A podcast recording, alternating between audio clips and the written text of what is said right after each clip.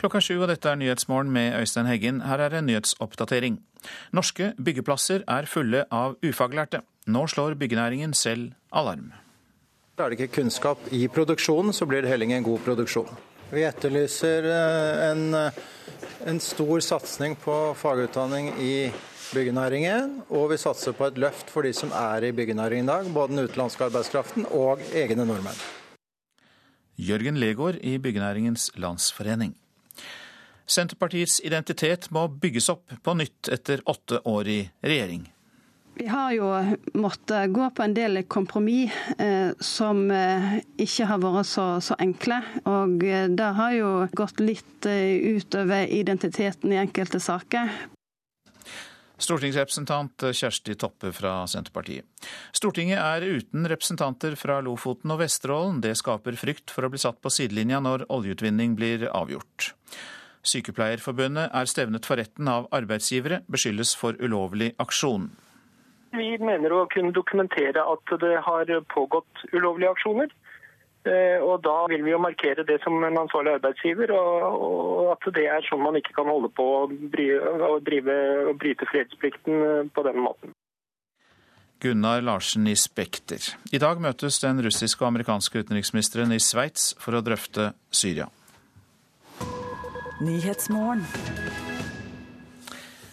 Etter å ha argumentert eh, rød-grønt i åtte år, så må Senterpartiets identitet bygges opp igjen. Det mener partiets stortingsrepresentant Kjersti Toppe og flere fylkesledere NRK har snakket med. De gleder seg til å bygge et parti fritt fra rød-grønne forpliktelser. Det tyder på at Senterpartiet kan komme tilbake med omtrent samme styrke som vi hadde sist. Jeg vil si at det er ei bragd etter åtte år i regjering. Det Men det var med lavest oppslutning noensinne og et resultat på 5,5% at partileder Navarsete gikk inn i valgnatten. Regjeringsslitasje gjør at vi nå må styrke identiteten vår, sier Kjersti Toppe, stortingsrepresentant fra Hordaland. Vi har jo måttet gå på en del kompromiss eh, som eh, ikke har vært så, så, enkle. Og eh, det har jo gått litt eh, utover identiteten i enkelte saker. Hvilke saker tenker du spesielt på når det gjelder kompromiss? Noen slår meg jo. Det ene er jo eh, jordbruk. Eh, vi har fått til mye, men der var forventningene til oss veldig høye. Eh, og sånn sett så har vi eh, skuffa noen. Eh, det andre saken er jo på mitt felt, lokalsykehus. Personlig syns jeg det var en eh, veldig trist sak å måtte forsvare. Fylkesleder i Sør-Trøndelag, Gunn Iversen Stokke, synes kostnadene av regjeringsdeltakelse har vært stor. Eh, det har vel gått litt på identiteten løs. Eh, det at eh, vi har vært sett på som det rød-grønne, og ikke som Senterpartiet. Noen fylkesledere vil vente på evalueringen før de svarer om regjeringsdeltagelsen har svekket Senterpartiets identitet. Andre er enig med Kjersti Toppe, og råder partiledelsen til et bredere engasjement, og at landbruksprofilen må plastres etter regjeringsslitasjen. Kompromisser koster, sier Stokke. Vi har vel kanskje blitt eh, litt eh, mindre synlig på våre kjerneområder enn det som jeg har ønska. Ingen av de NRK snakket med i Senterpartiet angrer på en rød-grønn regjeringsdeltakelse. Vi har fått til mer senterpartipolitikk enn i opposisjon, sier tidligere landbruks- og matminister Lars Peder Brekk, som heller ikke synes deltakelsen har svekket identiteten til Senterpartiet. Vi har vunnet mye. Jeg vil ikke si at vi har kostet oss spesielt. Vi har vunnet mye gjennom, gjennom de politiske løsningene vi har bidratt til, når vi vet hva alternativet har vært. Han mener likevel at landbruksprofilen må videreutvikles, og til den jobben står vi fritt. Et sentrumsparti som kan samarbeide både til høyre og venstre, sa Senterpartiets ungdomsleder Sandra Borch på valgnatten. Det er ikke til å legge skjul på at vi står nærmere både, ja, særlig KrF enn vi gjør SV. Reportere her, det var Marie Hasselgaard og eh, Eirin Årdal. Ja, mens noen slikker sine sår og skal bygge opp igjen identitet, så skal vi vie valgets vinner oppmerksomhet. Vi skal ta for oss spillet rundt regjeringsforhandlingene. Magne Martin Haug, god morgen til deg. Du er eh, førsteamanuensis ved Handelshøyskolen BI, og ja, for de som nå har vunnet valget og skal forhandle, hva blir det viktig å eh, tenke på for dem? Ja, Det er jo litt forskjellige posisjoner. fordi at eh, Erna Solberg jo, skal jo være statsminister. Dvs. Si at det er mye investert for henne å få til eh, et, en, en ny regjering. Og det er jo på en måte en svakhet i, i, den situasjonen, fordi at de andre kan jo da trekke det ut eller skape problemer. og, og prøve å posisjonere seg sånn at Erna Solberg må overtale dem til å gå inn i regjeringen. Uh, og Det er, ser man jo tendenser til allerede. Uh, vi ser jo Kristelig Folkeparti som har signalisert at de er ikke helt sikre på om de vil gå inn. Eh, og det er jo en del av taktisk spill, regner jeg med, for å øke eh, hva skal jeg si, eh, prisen for å komme inn i regjeringen. Vi kan jo få et lite lydglimt fra nettopp det Trine Skei Grande og Knut Arild Hareide nettopp har sagt. Jeg vil heller sette en regjering som ikke bygger ut Lofoten og Vesterålen, enn å stå utafor en regjering som gjør det. Derfor er det viktig å kunne forhandle om gode løsninger, og ikke bare gå inn med masse ultimatum. Vi skal samtale, vi skal være konstruktive. Men det er politikken som avgjør, det politiske gjennomslaget, som har betydning for KrF. Ja, hvordan eh, spiller de sine kort her? Ja, det er jo eh, Trine Skei Grande har jo helt rett i at uh, hvis de skal få gjennomslag med sin politikk i forhold til Lofoten, Vesterålen og Senja, så er de nødt til å være med i regjeringen. For det er et veldig stort flertall i Stortinget for å, bygge ut. Men det som er på en måte problemet med å oppfatte hva som foregår her, er jo at politikk dreier jo ikke bare om å gjennomføre ting, men det dreier seg også om hvordan man uh, retorisk formulerer problemstillinger. Og jeg syns i grunnen at um, Jan Tore Sanner sa noe veldig bra på, på tirsdag, på kveldssendingen Aktuelt hvor han sa det at nå har vi spilt med åpne kort gjennom hele valgkampen, men nå skal vi eh, forhandle i hemmelighet. Og det er veldig viktig i den forhandlingsprosessen da, at man kan eh, ha en fortrolig samtale som, eh, som, gjør at man finner frem til gode løsninger. Og det er to ting i den løsningen. Det ene er jo at man fokuserer på det som er viktig. Altså det som offentligheten er opptatt av. Men det andre er jo også at man prøver å finne formuleringer som gjør at man kan gjøre ting som ikke nødvendigvis offentligheten ser at det er det man gjør. Altså det er et, det er et eh, delvis skjult spill som foregår her. Skal vi være bekymret over det? Nei, sånn er det jo alltid i politikk. Eh, noe av problemet med, med det å styre er jo at altså Kåre Willoch sa jo i sin tid at den beste måten å skjule noe for var å legge det i, i et stortingsdokument. Fordi journalister leser ikke stortingsdokumenter. Nei, der har vi det. uh, Hareide, har han fått noen gode råd av Bondevik, uh, tror du? I høyeste grad. Og Bondevik viste seg jo som en veldig god forhandler da de dannet regjering i 2001. og han, Det ble jo et brudd den gangen, og så kom jo Høyre nesten Man kan ikke si krypende, men de var i hvert fall veldig opptatt av å få til det regjeringsdeltakelsen. Så de strakk seg veldig langt. Og Det er jo viktig da for Høyre at de ikke kommer i den posisjonen nå. At det er de som må gi, og alle de andre kan da eh, forhandle ut fra en styrke fordi at de kan liksom trekke seg.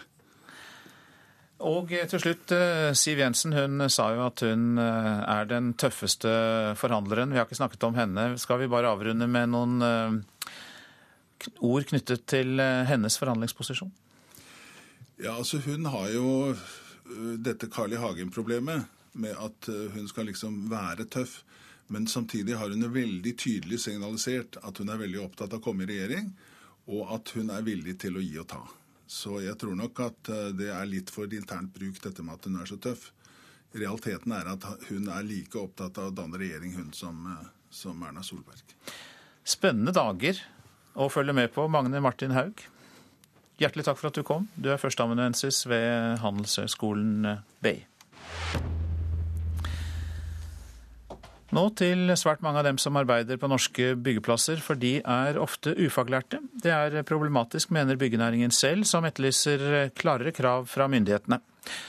Nå utfordrer næringen den påtroppende regjeringen til å bli med på et eh, spleiselag for at både norske og utenlandske arbeidere skal få fagbrev. De siste åra er det blitt lengre mellom brunostskivene på norske byggeplasser. Stadig flere av arbeiderne er ufaglærte. Det uroer næringa sjøl, som advarer mot slurv og dårlig arbeid. Er det ikke kunnskap i produksjonen, så blir det heller ingen god produksjon. Jørgen Legård i Byggenæringens Landsforening er klar på at dersom det blir for få fagfolk, så går det utover kvaliteten. Vi etterlyser eh, en, en stor satsing på fagutdanning i byggenæringen, og vi satser på et løft for de som er i byggenæringen i dag, både den utenlandske arbeidskraften og egne nordmenn. Nå koster jeg å rengjøre et rom som skal senere bli eh, ettersløpt på. Petter Erlandsen er lærling. Han får stadig nye arbeidsoppgaver. Hver dag. Det er alltid noe nytt. Alltid noe jeg ikke har sett, vært borti eller sett før som jeg lurer på hva er eller åssen gjør dette. Så det er alltid noe å lære. Byggenæringa vil ha flere som Petter. Men for å skaffe plass til flere lærlinger, må det finnes godt utdanna folk ute på byggeplassene. Og det kan bli ei utfordring når flere og flere har bakgrunn fra andre land. Nå vil byggenæringa ha den nye regjeringa med på et spleiselag. La oss si at vi tar en tredjedel av de fra utlandet som er her nå, som har lyst til å være her en stund og som har lyst til å satse på norsk fagbrev. Ta med oss de, samt de norske som har jobbet lenge i næringen. Og så kan vi gjøre et kjempeløft. og vi burde kunne ha en 5000-7000 mennesker gjennom det systemet hvert år de neste fire årene. Legeår sier en slik satsing er nødsynt for å sikre gode nok byggverk her i landet, også i åra som kommer. Det er viktig fordi at vi skal rekruttere eh, ungdom og unge voksne. Vi skal holde på de vi har, og vi skal løfte næringen slik at den blir produktiv og leverer de tjenester og varer som samfunnet ønsker av oss. Blir det bygd for dårlige hus i dag? Nei, det vil ikke jeg påstå. Det får eventuelt andre si. Men det som er utfordringen vår, er å holde kvaliteten oppe, og ikke minst øke produktiviteten. Og da er det med kunnskap og kompetanse vi skal gjøre det. Flere har stilt spørsmål ved om EØS-avtalen kan stoppe en slik ordning. Men avtalen trenger ikke være et hinder for særnorske kompetansekrav innen bygg og anlegg. Det sier professor i europarett ved Universitetet i Oslo, Finn Arnesen. Dersom disse kravene er stilt for å sikre kvalitet på de arbeidene som utføres, sikre helse, miljø, sikkerhet på arbeidsplassen osv., så, videre, så er dette på sin plass dersom kravene er nødvendige for å nå disse målene.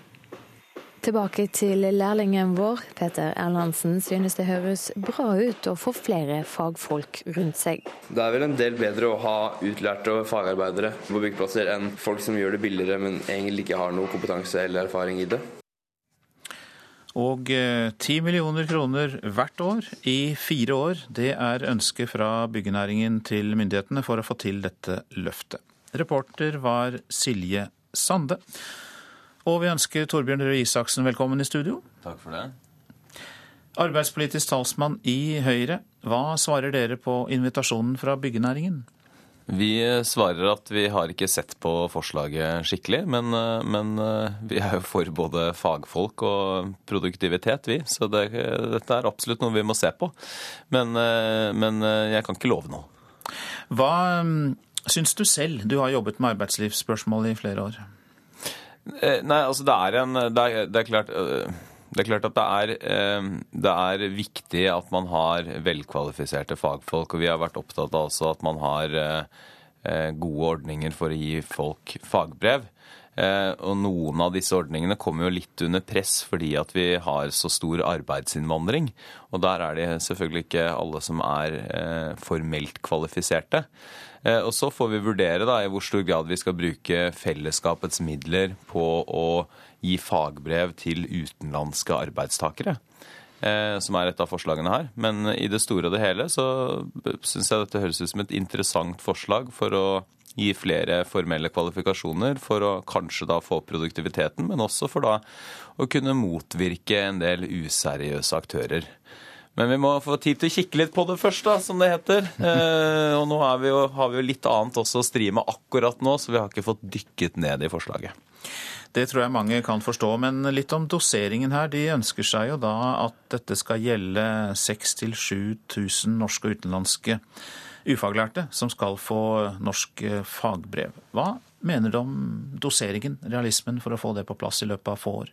Nei, altså Når jeg ikke kan si så mye konkret om forslaget som helhet, så blir det veldig vanskelig å si noe konkret om doseringen. Når vi ikke har undersøkt uh, grundig nok hva vi syns om medisinen, så blir det vanskelig å si om uh, dosen som foreskrives pasienten er, uh, er tilstrekkelig. Men, men, som sagt så syns jeg hele forslaget er, er det høres veldig konstruktivt ut. Det adresserer en klar problemstilling. Så, og Eh, noe av det beste i den norske modellen det er jo at man har godt samarbeid mellom både arbeidsgiver-, arbeidstakerorganisasjonene og staten. Så dette er absolutt et av helt sikkert mange forslag som vi eh, blir nødt til å vurdere når det blir ny regjering. Det er vel lov å si det nå, når det blir ny regjering. Ja, Dagsavisen skriver at dere samler sympatisører i fagbevegelsen nå for å ja, slå til mot uh, ja. ja, for å få flere midlertidige ansettelser og søndagsåpne butikker og fleksible arbeidstidsbestemmelser. Er det viktig for dere å fange opp um, kontakter i fagbevegelsen nå? Dagsavisen skriver jo så mye rart. Men, du, men du det, som, det, som, stemmer, det er at for over et år siden Det har for øvrig vært rapportert i både Aftenposten og VG før det står i Dagsavisen i dag. Men så startet vi med et nettverk for folk som er tillitsvalgte i fagbevegelsen, og som samtidig er Høyre-medlemmer. Eh, og Det er viktig rett og slett for at vi oppdaget at det er ganske mange av dem der ute. og Vi har lyst til å ha god kontakt inn i, inn i fagbevegelsen, men også ha folk som kan gi gode råd på arbeidslivsspørsmål. Men, eh, men Dagsavisen fremstiller oss som vi har eh, praia et par stakkars LO-medlemmer og skal bruke den som en rambukk til å ødelegge norsk arbeidsliv. Det stemmer ikke. Altså. Og det stemmer ikke, for å si det forsiktig. Ok, Torbjørn Røe Isaksen, takk for at du stakk innom på morgenkvisten eh, på en dag som sikkert er full av eh, masse møter knyttet til hektiske dager for eh, den nye regjeringen og dens folk. Takk skal du ha. Bare hyggelig. Det nye Stortinget er uten representanter fra Lofoten og Vesterålen. Kampen om oljeutvinning i havområdene utenfor er et av de største stridstemaene i norsk politikk. Høyres stortingskandidat Jonny Finstad fra Lofoten kom ikke inn på tinget. Han frykter regionen blir satt på sidelinja i spørsmålet om egen framtid. Det er jo det som er den store bekymringa, at en sånn stor, viktig sak eh, blir avgjort uten at vi får noe innflytelse på det, eller at eh, stemmer fra de her regionene eh, ikke blir hørt. Representasjon er viktig, sier Arbeiderpartiets Tone Toften fra Vesterålen. Når det nå ikke er stortingsrepresentanter fra området, mener hun det er svært viktig at de nye makthaverne iallfall finner plass til folk i regjeringsapparatet. Jeg vil si at det er veldig viktig, eh, fordi at eh, det tas store avgjørelser på vegne av hele landet, men også på vegne av regionene og landsdelene. Så det å ha ører og øyne og stemme inn i de rommene er viktig. Og det håper jeg at den nye regjeringa også vil se nytten av. Dette er Petos Nyhetsmorgen. Klokka har passert 7.18. Vi har disse hovedsakene. Norske byggeplasser er fulle av ufaglærte. Nå slår byggenæringen selv alarm, og vil ha den nye regjeringen med på spleiselag for at flere skal få fagbrev. Torbjørn Røe Isaksen sa jo nettopp her i Nyhetsmorgen at dette skal de i hvert fall se på. Senterpartiets identitet må bygges opp på nytt etter åtte år i regjering. Det mener partitopp og fylkesledere. Og Sykepleierforbundet, stevnet for retten av arbeidsgivere, beskyldes for ulovlig aksjon. I dag møtes utenriksministrene fra USA og Russland, John Kerry og Sergej Lavrov, i Genéve. De skal drøfte hvordan FN kan ta kontroll med å destruere Syrias kjemiske våpen. Russland og USA er fremdeles på kollisjonskurs når det gjelder hvem som sto bak gassangrepet 21.8. De fem vetolandene i FNs sikkerhetsråd sliter med å komme til enighet om en vei ut av denne krisen. FN-ambassadørene fra USA, Storbritannia, Frankrike og Kina nektet å svare journalistene da de forlot den russiske delegasjonen i New York etter et halvtimes langt møte sent i går kveld norsk tid. De tre vestlige vetolandene utarbeider nå en Syria-resolusjon, men kommer ingen vei dersom de ikke klarer å komme Kina og Russland i møte. Generalsekretær Ban Ki-moon håper likevel de kan komme til enighet. I hope that the current discussions related to safeguarding Syria's chemical weapon stocks will lead to the Security Council playing an effective role I en kronikk i storavisen The New York Times advarer Russlands president Vladimir Putin amerikanerne om å gå utenom FN, og viser til Afghanistan, Irak og Libya som eksempler på at militær makt kan slå feil ut. Å undergrave FN vil sette verdens stabilitet i spill, og styrke militante elementer i Syria-konflikten, skriver Putin. USA og Russlands utenriksministre møtes i dag i Genéve for å diskutere russernes forslag om å underlegge Syrias kjemiske våpen internasjonal kontroll. I mellomtiden er en avstemning i den amerikanske kongressen om bruk av militærmakt mot Syria utsatt på ubestemt tid, for å la diplomatiet få en sjanse. Men det diplomatiske fremstøtet må ikke trekke ut i tid, advarer kongressrepresentant Debbie Wassermann Schultz. This needs to be a relatively narrow window uh, that uh, you know, an interminable period of time is not, is not and should not be allowed uh, to be given. Likevel, Russlands forslag til en løsning på krisen rundt Syrias kjemiske våpen har funnet venner også blant amerikanske politikere. Blant dem demokraten Brad Sherman. Uh, I think what the Russians have proposed may turn out to be the best thing to come out of Russia since vodka.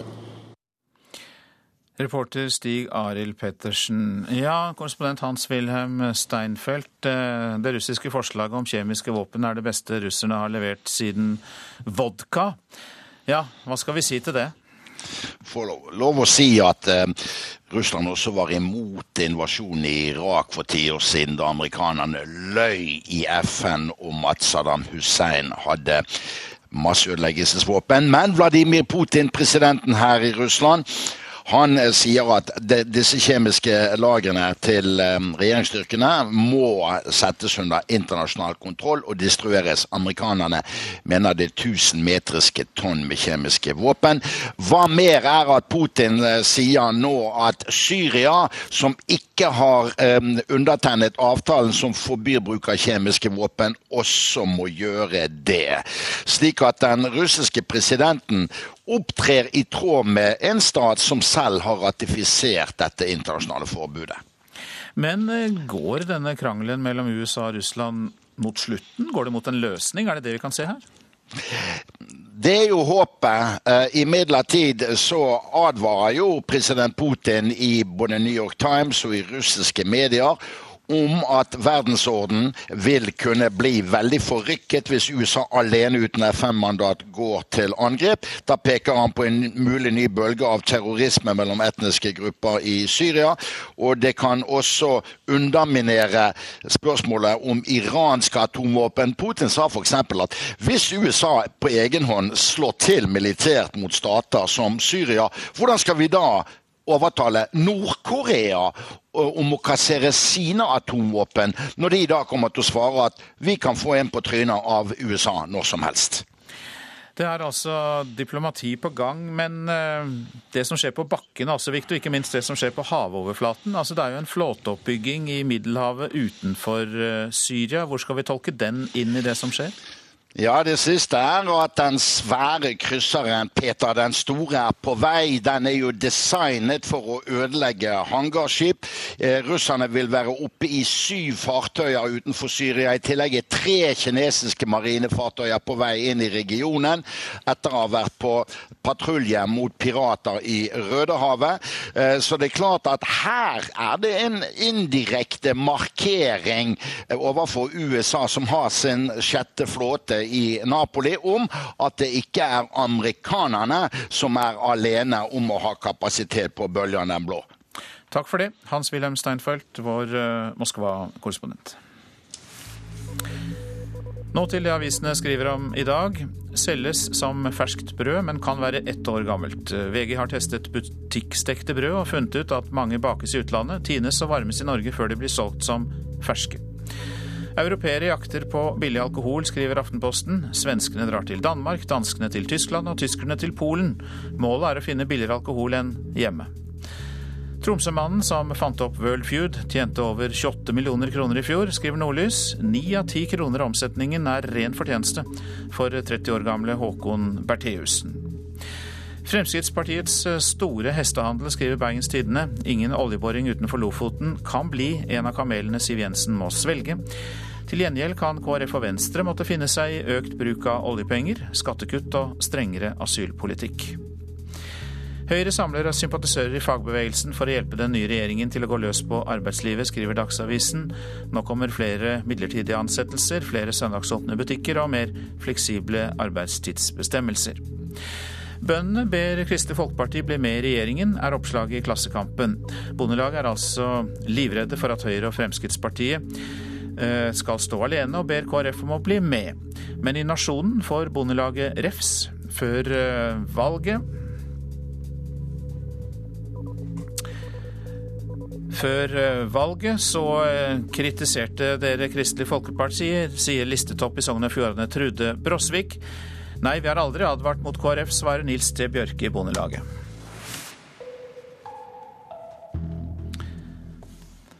Meldingsboka har vært et fast innslag i hver en skolesekk i all den tid, men nå kjemper den lille kladdeboka for eksistensen mot teknologien. På Bærland skole i Ålgård er den digitale meldingsboka kommet. Om ikke på bordet, så er den i hvert fall den som gjelder. Jeg har multiboka, så har jeg leseboka til Bulba. Helt vondt. Der er ingen meldebok i tredjeklassingen Erlend Bringelands ransel. Berland skole på Ålgård har forkasta den klassiske meldeboka, og årets førsteklassinger har ikke helt kontroll på hva ei meldebok egentlig er. Det er sånn som vi bare melder oss inn på noe. Vi skriver ting og fargelegger. Elevene trenger ikke levere meldebok til læreren når de har vært syke eller skal til tannlegen.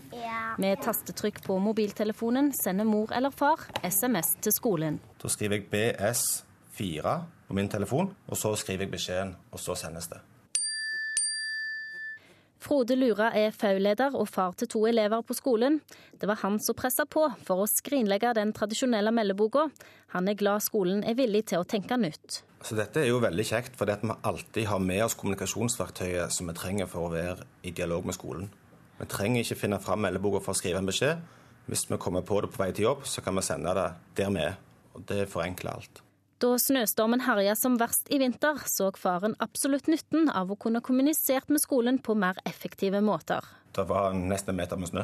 Ungene gikk til skolen. Hos oss så hadde jeg telefon fra rektor, og kona mi hadde telefon fra klassestyrer om samme beskjeden at uh, ungene trengte ikke gå til skolen den dagen. Dermed så brukte to av skolens ressurser energien sin på oss, istedenfor at de bare kunne sendt en tekstmelding. Da skal vi se om vi finner noen meldingsbøker. Der var det noen få igjen av den gamle sorten. Rektor Tom Kenneth Gilje likte godt foreldrenes initiativ, og etter en prøveperiode før sommeren er penn og papir bytta ut med teknologi. Vi vet jo at eh, de fleste både ansatte og foreldre har egen mobil, og SMS-teknologien var klar. Det var bare om, om vi var klar for å, å, ta det i bruk. Alle foreldrene som jeg har snakket med, er veldig positive til at de nå kan ha dette på en regulert måte. Og det er ikke bare foreldrene som er fornøyde. Noah Skaar i 3B syns det er greit å slippe meldebok. Fordi da slipper vi å glemme å vise det til læreren. I Rogaland har 31 skoler gått over til meldesystem per mobiltelefon, og på landsbasis har én av tre skoler slutta med vanlig meldebok. Antallet øker stadig, og kanskje er den klassiske meldebokas tid forbi. Jeg tror at hun er forbi her på Berland. For når foreldrene har fått erfaring med mobilskole, så tror jeg det skal være vanskelig å få dem tilbake igjen til å skrive i meldingsbok igjen. Reporter her, det var Cecilie Berntsen Jåsund. Ja, Du lytter til Nyhetsmorgen. I reportasjen etter Dagsnytt om ti minutter kan du høre om frivillige organisasjoner i Russland som blir tvunget til å registrere seg som utenlandske agenter. Til Politisk kvarter kvart på åtte så kommer to av de unge nykommerne i Venstres stortingsgruppe, Sveinung Rotevatn og Iselin Nybø. Avtroppende kunnskapsminister Kristin Halvorsen kommer også innom for å gi noen eh, tips til småpartier som skal i regjeringsforhandlinger. Prosent for Nyhetsmorgen, det er Ulf Tannes Fjell. Her i studio, Øystein Heggen.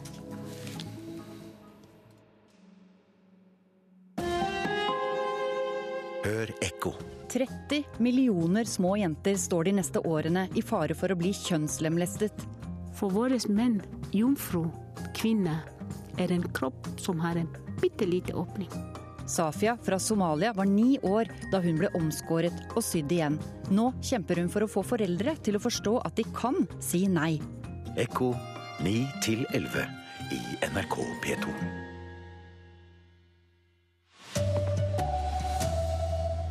Byggenæringen advarer mot dårlig byggearbeid og vil at flere skal få utdanning. Statoils anlegg i utlandet er for dårlig sikret, og de ansatte er for dårlig forberedt på krisesituasjoner, viser interne granskinger. Og det nye Stortinget blir helt uten representanter fra Lofoten og Vesterålen når kampen om oljeutvinningen starter. Her er NRK Dagsnytt, klokka er 7.30. Svært mange av dem som arbeider på norske byggeplasser er ufaglærte, og det er problematisk, mener byggenæringen selv. Næringen etterlyser klarere krav fra myndighetene, og utfordrer den påtroppende regjeringen til å bli med på et spleiselag, slik at både norske og utenlandske arbeidere skal få fagbrev. De siste åra er det blitt lengre mellom brunostskivene på norske byggeplasser. Stadig flere av arbeiderne er ufaglærte. Det uroer næringa sjøl, som advarer mot slurv og dårlig arbeid. Er det ikke kunnskap i produksjonen, så blir det heller ingen god produksjon. Jørgen Legård i Byggenæringens Landsforening er klar på at dersom det blir for få fagfolk, så går det utover kvaliteten. Vi etterlyser eh, en, en stor satsing på fagutdanning i byggenæringen, og vi satser på et løft for de som er i byggenæringen i dag, både den utenlandske arbeidskraften og egne nordmenn. Godt utdanna folk på byggeplassene vil også åpne for flere sårt tiltrengte lærlingeplasser. Nå vil byggenæringa ha den påtroppende regjeringa med på et spleiselag. La oss si at vi tar en tredjedel av de fra utlandet som er her nå, som har lyst til å være her en stund og som har lyst til å satse på norsk fagbrev. Ta med oss de, samt de norske som har jobbet lenge i næringen. og Så kan vi gjøre et kjempeløft. og Vi burde kunne ha en 5000-7000 mennesker gjennom det systemet hvert år de neste fire årene. Legeår sier en slik satsing er nødsynt for å sikre gode nok byggverk her i landet også i åra som kommer.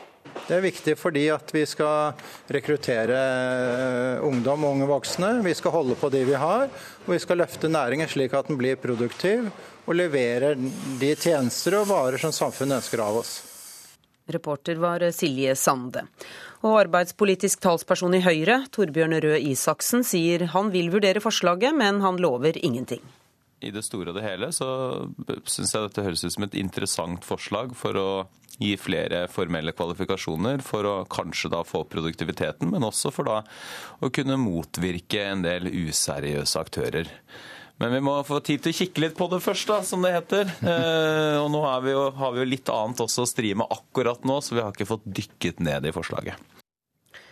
Så skal vi høre at Statoils anlegg i utlandet er for dårlig sikret, og de ansatte er for dårlig forberedt på krisesituasjoner. Det viser to interne granskinger, ifølge Dagens Næringsliv. Statoil sier at det er gjort flere endringer som følge av terrorangrepene i Algerie. Det er snart åtte måneder siden angrepet i Namenas, der fem nordmenn ble drept, og i dag legger Statoil fram sin granskingsrapport.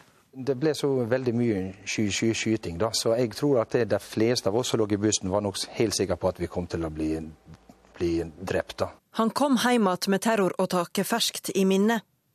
Kolbjørn Kirkebø, Ture Ingebrigtsen og Bjarne Våge fortalte historier fra de skjønte at de var under åtak, til de var sikre på at de ville overleve. De kommanderte oss bare ned på magen og hendene på ryggen og ut med beina. og Da gikk det opp for meg dette her er alvor. Nå er det snart åtte måneder siden ei gruppe væpna islamister gikk til åtak på gassanlegget i ørkenen i Algerie. 40 ansatte mista livet, blant de fem nordmenn. I dag skal Statoil legge fram konklusjonene i sin granskingsrapport.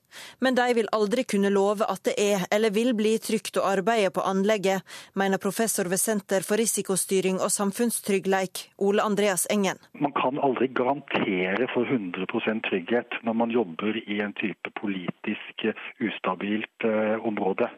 Det vil alltid være beheftet med usikkerhet, uansett hvor god beredskap og uansett hvor god risikoanalyse man har. Algerie er regna som et av de mest risikable landene Statoil opererer i.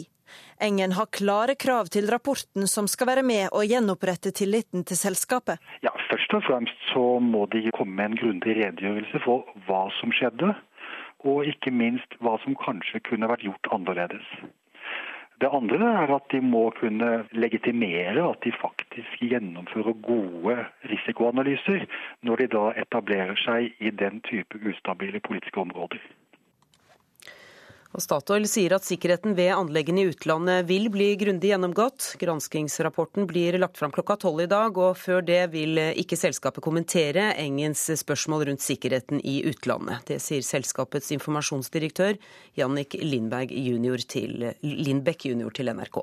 Reporter her var Siri Kleiven Strøm. Det nye Stortinget er uten representanter fra Lofoten og Vesterålen. Kampen om oljeutvinning utenfor disse områdene er et av de største stridstemaene i norsk politikk. Nå frykter politikere fra området at de blir satt på sidelinja i spørsmål om egen framtid. Lofoten, Vesterålen og Senja er vanskelige saker. Det er klart at Lofoten, Vesterålen og Senja, at det ikke skal være oljeboring der, det står øverst på blokka for Venstre. Lofoten, Vesterålen er eh, helt klart en Det blir nok politikere fra Bergen, Oslo og Bærum som avgjør. Ved dette valget så er en 60-årig tradisjon med stortingsrepresentant fra Lofoten nå brutt. Lofoten har eh, etter valget nå ingen representasjon på Stortinget. Sier Høyres Jonny Finstad. Lofoten-politikeren kom akkurat ikke inn på Stortinget. Det gjorde heller ikke de fra Vesterålen som prøvde seg. Dermed står regionene med 55 000 innbyggere uten folkevalgte på tinget, når rikspolitikerne skal avgjøre om det blir oljevirksomhet eller ikke. Det er høyst beklagelig.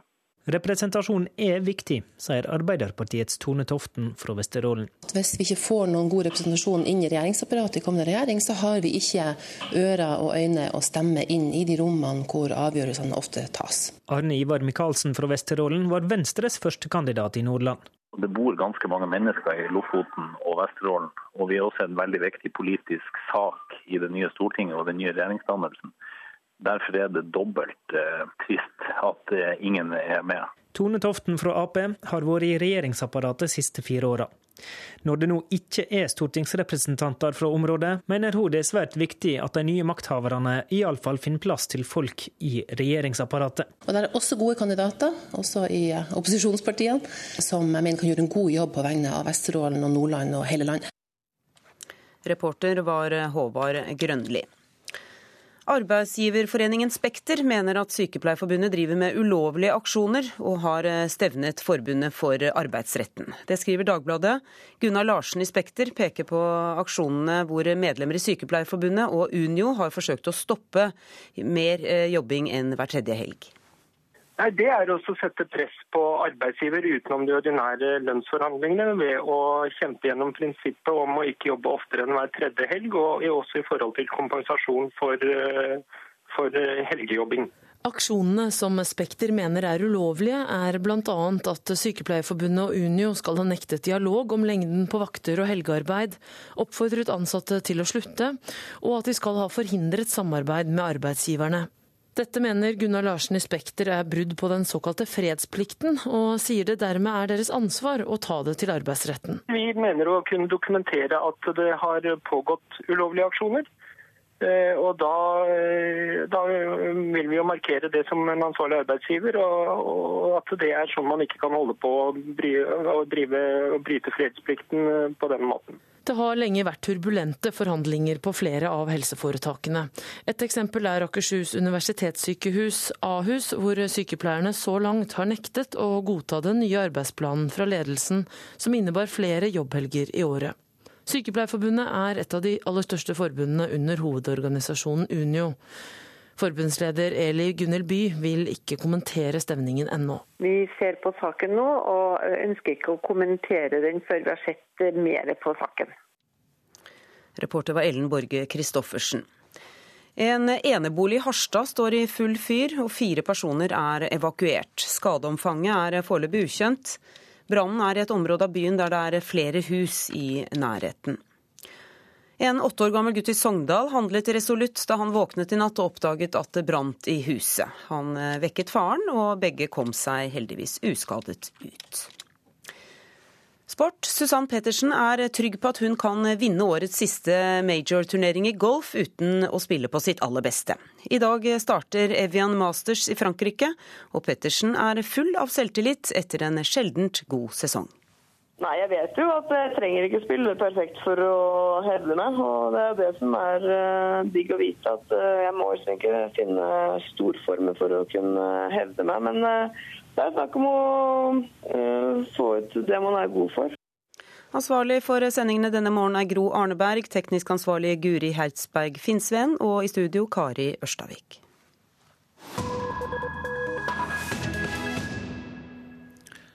Dette er eh, P2s Nyhetsmorgen. Frivillige organisasjoner i Russland kan bli tvunget til å registrere seg som utenlandske agenter. I morgen faller dom mot eh, en av dem, Golos, som eh, driver med valgobservasjon. Og NRK har møtt representanter fra denne organisasjonen i Oslo.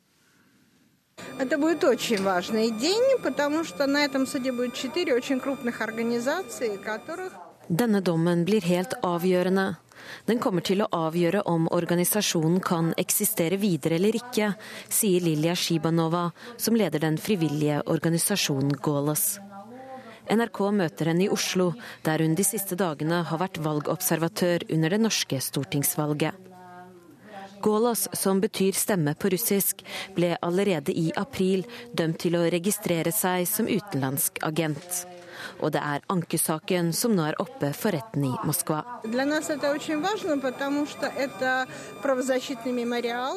Det er veldig viktige frivillige organisasjoner som står tiltalt i denne saken, forteller Shibanova. Som sier at i tillegg til Golos må også organisasjonene Memorial og Public Verdict møte i retten. Organisasjoner som jobber for å fremme rettssikkerhet og for å bistå ofre for menneskerettighetsbrudd. Det var i november i fjor at Russlands nye føderale lov om frivillige organisasjoner, den såkalte 121 FZ, trådte i kraft. Loven pålegger alle organisasjoner som driver med politisk virksomhet og som mottar utenlandsk pengestøtte, om å registrere seg som utenlandske agenter. Da loven trådte i kraft, vakte den stor oppsikt internasjonalt. Amerikanske myndigheter sa klart ifra hva de mente. These inspections appear to be aimed at undermining important civil society activities across the country. We've shared our concerns with the government of Russia, and we also remain disturbed by the series of laws that were passed by the government of Russia in 2012 and that are continuing uh, to be looked at in 2013, which impose harsh restrictions on NGO activity in Russia. Andre kritikere, her representert ved tidligere sjakkverdensmester Garry Kasparov, mener russiske myndigheter har et klart mål med loven. Russian NGOs have been under huge pressure even before the law. And now Putin clearly is aiming at wiping out any, any opposition voice. Russlands president Vladimir Putin på sin side har forklart loven med at det er helt naturlig at organisasjoner som jobber for å påvirke russisk politikk, ikke kan motta pengestøtte fra utlandet.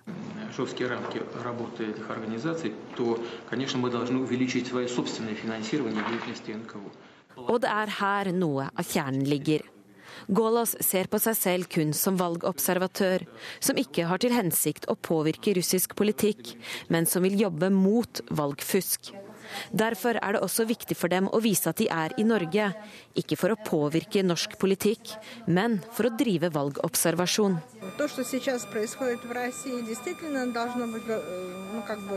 Russland ligner mer og mer på Hviterussland. Det blir mer og mer autoritært, sier Shibanova med en klar oppfordring til det internasjonale samfunnet. Det er veldig viktig at den internasjonale opinionen ikke slutter å ha øynene på Russland nå, sier hun. Reporter her, det var utenriksmedarbeider Guri Nordstrøm. Dette er P2s eh, Nyhetsmorgen, og dette er eh, hovedsaker. Uvisst hvor mange som eh, mangler norsk fagbrev i byggebransjen. Nå slår byggenæringen selv alarm, og vil ha den nye regjeringen med på et spleiselag for at flere skal få fagbrev. Senterpartiets identitet må bygges opp på nytt etter åtte år i regjering. Det mener partitopp og fylkesledere. Og Russlands president slår fast at det var opprørere i Syria som brukte kjemiske våpen 21.8. På dette punktet er USA og Russland sterkt uenige. Og vi tar også med at det nye Stortinget er uten representanter fra Lofoten og Vesterålen. Kampen om oljeutvinning i havområdene utenfor et av de største et utenfor Lofoten er et av de største stridstemaene i norsk politikk. Og så er det Politisk kvarter som står for tur. Og eh, Sigrid Solund, du har med deg tre personer som tar skrittet inn i storpolitikken. Og så har du med deg en som er på vei ut. Venstre mangedobler stortingsgruppa si, og nå vil de inn i regjering. Med seg får de forhandlingsråd, i hvert fall erfaringer, fra Kristin Halvorsen. Og Miljøpartiet De Grønne kom så vidt inn på Stortinget. Hvorfor holdt ikke oppslutningen helt inn? I dag møtes Venstres nye stortingsgruppe for første gang. Nå blir ikke gruppemøtene lenger en tett-a-tett mellom to, men en hel gjeng på ni som skal møtes etter et godt valg for partiet. Og to unge, håpefulle Venstre-representanter begynner dagen her i Politisk kvarter. Sveinung Rotevatn og Iselin Nybø, velkommen. Takk. Hvordan er aktivitetsnivået blant sommerfuglene i magen nå, Nybø? At eh, Vi har jo så vidt rukket å tatt inn over oss at vi faktisk har blitt stortingsrepresentanter. Sånn at dette er, dette er spennende, og det er store oppgaver som står foran oss.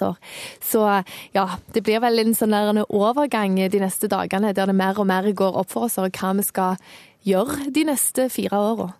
Rotevatn, før fintellinga var over, turte du ikke helt å tro at du er, var kommet inn. Har det gått opp for deg nå? Det begynner jo å gjøre det. Eh, det er klart Jeg har kommet inn på utjevningsmandat, så det kan jo alltid være Og det er jo spennende dagene etter valget. Men eh, nå er jeg inne, eh, og Venstre har gjort sitt, sitt beste valg siden 1969, med unntak av 2005. Så det er klart i partiet nå så er det jo en stor entusiasme. Mange er glade, letta og selvfølgelig spente for å se hva som skjer etter hvert nå. Ikke bare utvider Venstre stortingsgruppa, dere kan også havne i regjering. Nå skal dere i gang med sonderinger. Hva skal til for at dere i det hele tatt går videre til reelle regjeringsforhandlinger, Rotevatn? Det er jo at vi føler at vi har et grunnlag å gå videre på. fordi klart Når du setter deg ned og skal begynne å eh, forhandle, så er jo det fordi at du har en intensjon om å danne regjering. Så eh, vi må jo nå først sondere med de andre partiene på borgerlig side, der vi lover velgerne før valget. Sette oss ned sammen og se hva som er mulig å få til av eh, god politikk. Det er klart Nå går vi inn i sonderinger med et, et styrka sentrum og svekka ytterfløya. Og det er jo en av grunnene til at vi tror at det er mulig å få til god politikk, og at Venstre kan sette et tydelig preg på det som forhåpentligvis skal bli en ny blå-grønn regjering. Lofoten og Vesterålen er en viktig sak. Iselin Nybø, må dette være avklart før dere går videre til forhandlinger? Altså det som vi har sagt gjennom hele valgkampen, det er jo at Lofoten og Vesterålen står øverst på vår blokk når vi går inn i disse forhandlingene. Så, og det står vi fortsatt på. Så dette blir et viktig tema for oss. Eh, men nå er det jo sånn at vi ikke har eh, engang eh, satt oss ned i stortingsgruppa og snakket sammen, for det skal vi jo gjøre i dag. Sånn at det, det er lite som er avklart på dette tidspunkt. Men at Lofoten og Vesterålen blir en av Venstre sine viktigste saker, det, det tror jeg vi kan legge til grunn. Finnes det da noen kompromisser mellom vern og konsekvensutredning, Rotevatn? Det er jo slik at enten så åpner du for aktivitet, eller så gjør du det ikke. Eh, Venstre mener at vi ikke skal åpne for aktivitet i et så sårbart havområde. Det har en ikke gjort fram til nå. Eh, og eh, Det er vanskelig å se noe kompromiss mellom det. Men det er klart Lofoten Vesterålen er én viktig stor sak. Men eh, hvis vi skal gå inn i et regjeringssamarbeid, så er det klart at da må en kunne stå for politikken samla.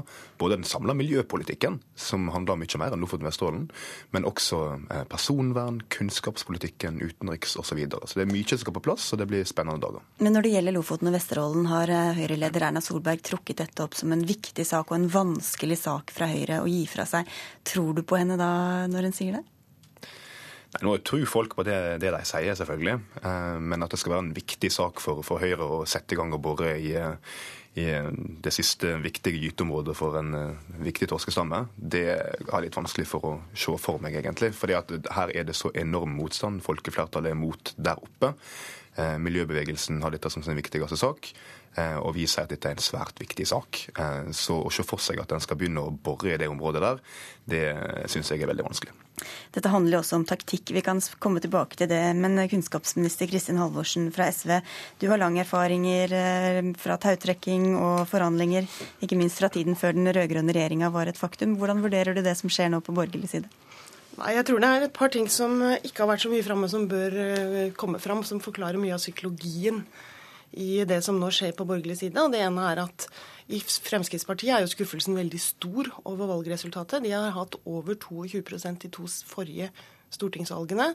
De har 16,3 nå. De skal sende hjem tolv stortingsrepresentanter. Det er nesten en tredjedel av deres stortingsgruppe. Og den følelsen av å ha stortingsrepresentanter som går der og sørger og pakker kontorene sine og rydder hybelen og, og har tapt, den har de nå midt oppi at de skal Eh, forhandles. En kjent følelse for dere? Ja, vi var i litt noe av den samme situasjonen i 2005. Den følelsen av både tap og seier på en gang, den, den, det er ganske krevende å håndtere internt. Og jeg tror noe av Sivs brøl på valgnatta forklarer det. Eh, dessuten så har nok både Kristelig Folkeparti og Venstre håpa på bedre valgresultat enn det de faktisk har fått. Begge disse partiene hadde høyere oppslutning etter fire år i regjering enn de har nå etter åtte år i opposisjon. Eh, og det at liksom Erna og Høyre er den ene store ubestridte vinneren, det, eh, det, betyr mye for hvordan psykologien er. Så er det helt opplagt at altså, Lofoten og Vesterålen og Senja og oljevirksomhet utenfor de områdene der har jo vært, to, uh, har jo vært en av de mest krevende sakene som vi har holdt på med de siste åtte årene. Og vi har vunnet den saken to uh, runder. En skal ikke undervurdere hvor sterke uh, oljeinteressene er. Men jeg stusser over, over at man ser ut til å starte med de vanskeligste konfliktsakene. Fordi at hvis man virkelig ønsker Jeg, jeg hørte f.eks. Hareide i går sa at ja, nå vi må ha avklart en del ting før vi går videre i disse sonderingene. Uh, hvis man virkelig ønsker at fire partier skal bli enige, så uh, ville den viktige strategien være at man først så hva, hva kan vi fire få til sammen Sånn at en så hvor mye en hadde å miste ved å ikke faktisk bli enige om de vanskeligste tingene til slutt. Men bare si, Du er ikke noen nøytral kommentator heller. Overhodet ikke. Overhodet ikke. og verken Høyre eller Frp er her, men du kan jo få en kommentar til det, Rotevatn. Ja, det er jo slik at det er ikke gitt at det er fire partier som skal danne regjering. Eh, vi har sagt at vi skal sette oss ned og snakke sammen. Eh, men vårt eh, primære regjeringsalternativ er jo Venstre, Kristelig Folkeparti og Høyre. Det er det vi har ønska, det er det vi tror gir best politisk gjennomslag og manøvreringsrom i Stortinget. Så det er jo en av flere grunner til at en nå må sette seg ned og sondere, og også snakke om de vanskelige sakene. Og da er Lofoten Vesterålen en av dem. Og så får nesten KrF svare for seg sjøl, men vi i Venstre er iallfall veldig fornøyd med valgresultatet. Vi har fått ei gruppe igjen og gjort et av våre beste valg på, på 40 år. Eh, så stemningen hos oss er iallfall veldig god. Men Kristin Halvorsen, eh, hvor viktig er dette med å sende ut prøveballonger, eh, spill, taktikkeri også under sånne sonderinger og forhandlinger? Egentlig ikke så veldig. Fordi det er jo bare pressen som trenger noe å skrive om. Men det er klart at jo mer en nå tar på kammerset eh, framover, jo større handlingsrom eh, har man faktisk. Eh, sånn at betydningen nå av hva som foregår av diskusjoner i, i mediene, er ikke så stor. Det som er utrolig viktig når man forhandler i sånne situasjoner, det er jo at de som er ens eget bakland. Altså I SV så hadde vi en egen referansegruppe. Vi sørga for at, uh, at alle for, det første hadde vi forberedt oss i ni eh, måneder. Vi hadde, vi hadde, et omfattende dokument, gått gjennom alle mulige tenkelige saker, tenkt på kompromisser. Jeg ser ikke ut som de andre partiene som skal forhandle nå, er så godt forberedt som vi var da. Og så hadde vi et veldig så hadde vi et veldig omfattende sjekking bakover, sånn at de kjernetropper, nøkkelpersoner, var innforstått med hvilke avveininger vi måtte gjøre hele tiden. Iselin Nibø, hvor lang er den lista over forventninger og krav som du har med deg eh, når du kommer nå fra Rogaland? Nei, det er klart at eh, Vi har jo stått på gjennom en hel valgkamp og, og fronta våre saker. Så det er klart at lista over forventninger og lista over ting man ønsker å få gjennomslag for, den er store. Det er han. Men så er jo, er det jo sånn som Halvorsen sier, at her er, jo, her, er det jo, mange ting. Og man skal jo sette seg sammen og diskutere dette her. Eh, sånn at eh, det som pressen skriver, det er én ting. Men det som skjer internt i de tre ulike, fire ulike partiene, det er noe, det er noe helt annet. Og jeg tror kanskje at eh, pressen de har behov for å skrive ting før ting egentlig skjer. Sant? For de skal på en måte alltid ligge foran. Mens partiene har jo nå sagt at vi skal først få mandat i våre egne grupper. Vi må jo først treffe de nye stortingsrepresentantene, først diskutere dette gjennom, før vi begynner på disse sonderingene. Sånn at dette er jo, dette er jo ting som går, går, seg litt til etter hvert som vi går òg. Men det er klart Venstre er jo et gammelt parti, og Venstre har sittet i regjering før. Venstre har folk med som har vært i sånne forhandlinger eh, tidligere, så vi møter ikke helt med blanke ark oppi dette her. Det er vi som er litt utålmodige her i pressen, da. ja. Men Kristin Halvorsen, flere Senterpartipolitikere sier til NRK i dag at regjeringsdeltakelsen har slitt på partiets identitet, som må bygges opp igjen i opposisjon. SV kom seg så vidt over sperregrensa. Hva syns du SV bør gjøre nå? Nei, nå må uh, nye partiledelsen i SV legge en plan for fire år uh, framover. Uh, og det er klart at uh, det er ikke noen uh, Altså det er jo ikke noen likhetstegn mellom å være i opposisjon og å virkelig klare å mobilisere velgerne. Så her må det gjøres en betydelig jobb i forhold til hva slags politisk prosjekt en mener er viktigst for framtida. Men løsrive seg mer fra Senterpartiet? Jo, men det er klart at Når man i åtte år har forsvart kompromisser, og det er det man gjør når man sitter i regjering og har forhandla fram løsninger på store og og små saker hele veien, så er det nå partiet som sådan som kan legge sin strategi, gjøre sine prioriteringer for hva som er viktigst eh, for framtida. Så det er jo det som jeg vet at SVs partiledelse nå kommer til å jobbe med de neste fire årene. Etter et langt liv i politikken, går du nå ut av den. Hvordan føles det? Nei, dette har jeg jo vært forberedt på. Jeg har vært stortingsrepresentant i 24 år og har hatt en kjempeinteressant, morsom, slitsom på alle vis eh, åtte år i regjering. Det har, vært, eh, det har vært et stort privilegium å få gjøre en jobb på vegne av velgerne. Hva skal du gjøre nå? Nei, Det vet jeg faktisk ikke. Har du hatt First House på tråden? Nei. er det aktuelt? Nei. Hvilke siste råd vil du gi til disse eh, nye stortingsrepresentantene på veien? Nei, de, de, får ta sine diskusjoner eh, på kammerset. Og så Det viktigste som resten av stortingsgruppa gjør nå, det er jo å la de som skal forhandle, få arbeidsro og kunne følge sin strategi. Jo flere som nå hopper rundt i mediene og lager styr og ståk, jo vanskeligere blir den eh, jobben for dem. Ja, ikke, kom, ikke, hør på henne, dette kommer til å bli krevende nok. Dette kommer til å bli krevende nok for dem eh, som det er. Takk skal dere ha, Kristin Halvorsen, Iselin Nybø og Sveinung Rotevatn. Miljøpartiet De Grønne gikk fra å være nærmest en ikke-faktor i norsk politikk til målinger over sperregrensa, og endte opp med noe midt imellom. Med én representant på Stortinget, som er deg, Rasmus Hansson. Nå er dere i gang med å evaluere deres egen valgkamp. Hvorfor tror du det gikk som det gikk? Eh, først og fremst gikk det som det gikk fordi eh, hele partiet gjennomførte en fenomenal valgkamp. Eh, for noen få måneder siden så fantes vi ikke på meningsmålingene, og knapt nok i, i, i media. I dag er vi en, en, et parti som er representert i nasjonalforsamlingen. og en, en faktor i norsk politikk som allerede har klart å sette våre sånn overordnede langsiktige politiske saker. Spørsmålet om hvor Norge skal. Eh, på dagsordenen. Eh, og vi har klart å dra med oss f.eks. Venstre og SV, som satt her i løpet av valgkampen, på, på en mye mer ambisiøs miljøpolitikk. Så det er vi selvfølgelig kjempefornøyd med. Men dere hadde også på et tidspunkt målinger over sperregrensa, flere målinger. Hvor mye av nedgangen etter det tror du skyldtes at også mer av politikken deres faktisk ble kjent? Altså det, det, er jo mange faktorer som, som trer i kraft i, i, i, slutten av valgkamp. Jeg tror det aller viktigste er jo at, eh, at, det blir tøft for et lite parti eh, når de store partiene setter inn eh, fullt trøkk de siste ti dagene. Og media har ikke bare vært hjelpsomme. Vi har ikke fått være med i partilederdebatter og sånn, som er temmelig viktig i forhold til å markere seg på slutten. Men så er det jo ikke noe tvil om, og vi er ikke noe flaue over, at vi, eh, vi er et nytt parti. Det er lov å starte et sted. Og da er det sider ved politikken som ikke er like grundig rundvaska som, eh, som det kunne ha vært. Hvilke da? Og så, ja, Det er jo ting i partiprogrammet vårt som, som sikkert kunne vært formulert smartere i forhold til, forhold til hva som skjer når media og politiske motstandere leter etter noe å ta oss på. Og så er det spørsmålet om å ha kapasitet å være forberedt på å ta imot sånne trøkker som, som et sånt parti får. Det syns jeg er en, en, ærlig sak, og så har vi lært en masse av det, selvfølgelig. Hva tror du du gjorde med profileringa, at dere har to talspersoner i tillegg til deg, som også har vært hyppig ute? Ja, Det er altså eh, noe som skjer, for det første fordi at miljøpartiene tradisjonelt har to talspersoner. Og så kom det en eh, stortingsrepresentant, eller kandidat, som, som, fikk mye oppmerksomhet. Det er mulig at det sprer inntrykket litt. Det er det blant, de tingene vi får, vi får, diskutere internt. Men nå er det altså du som kommer inn på Stortinget. Bør du bli ny leder i De Grønne? Kjempegodt spørsmål.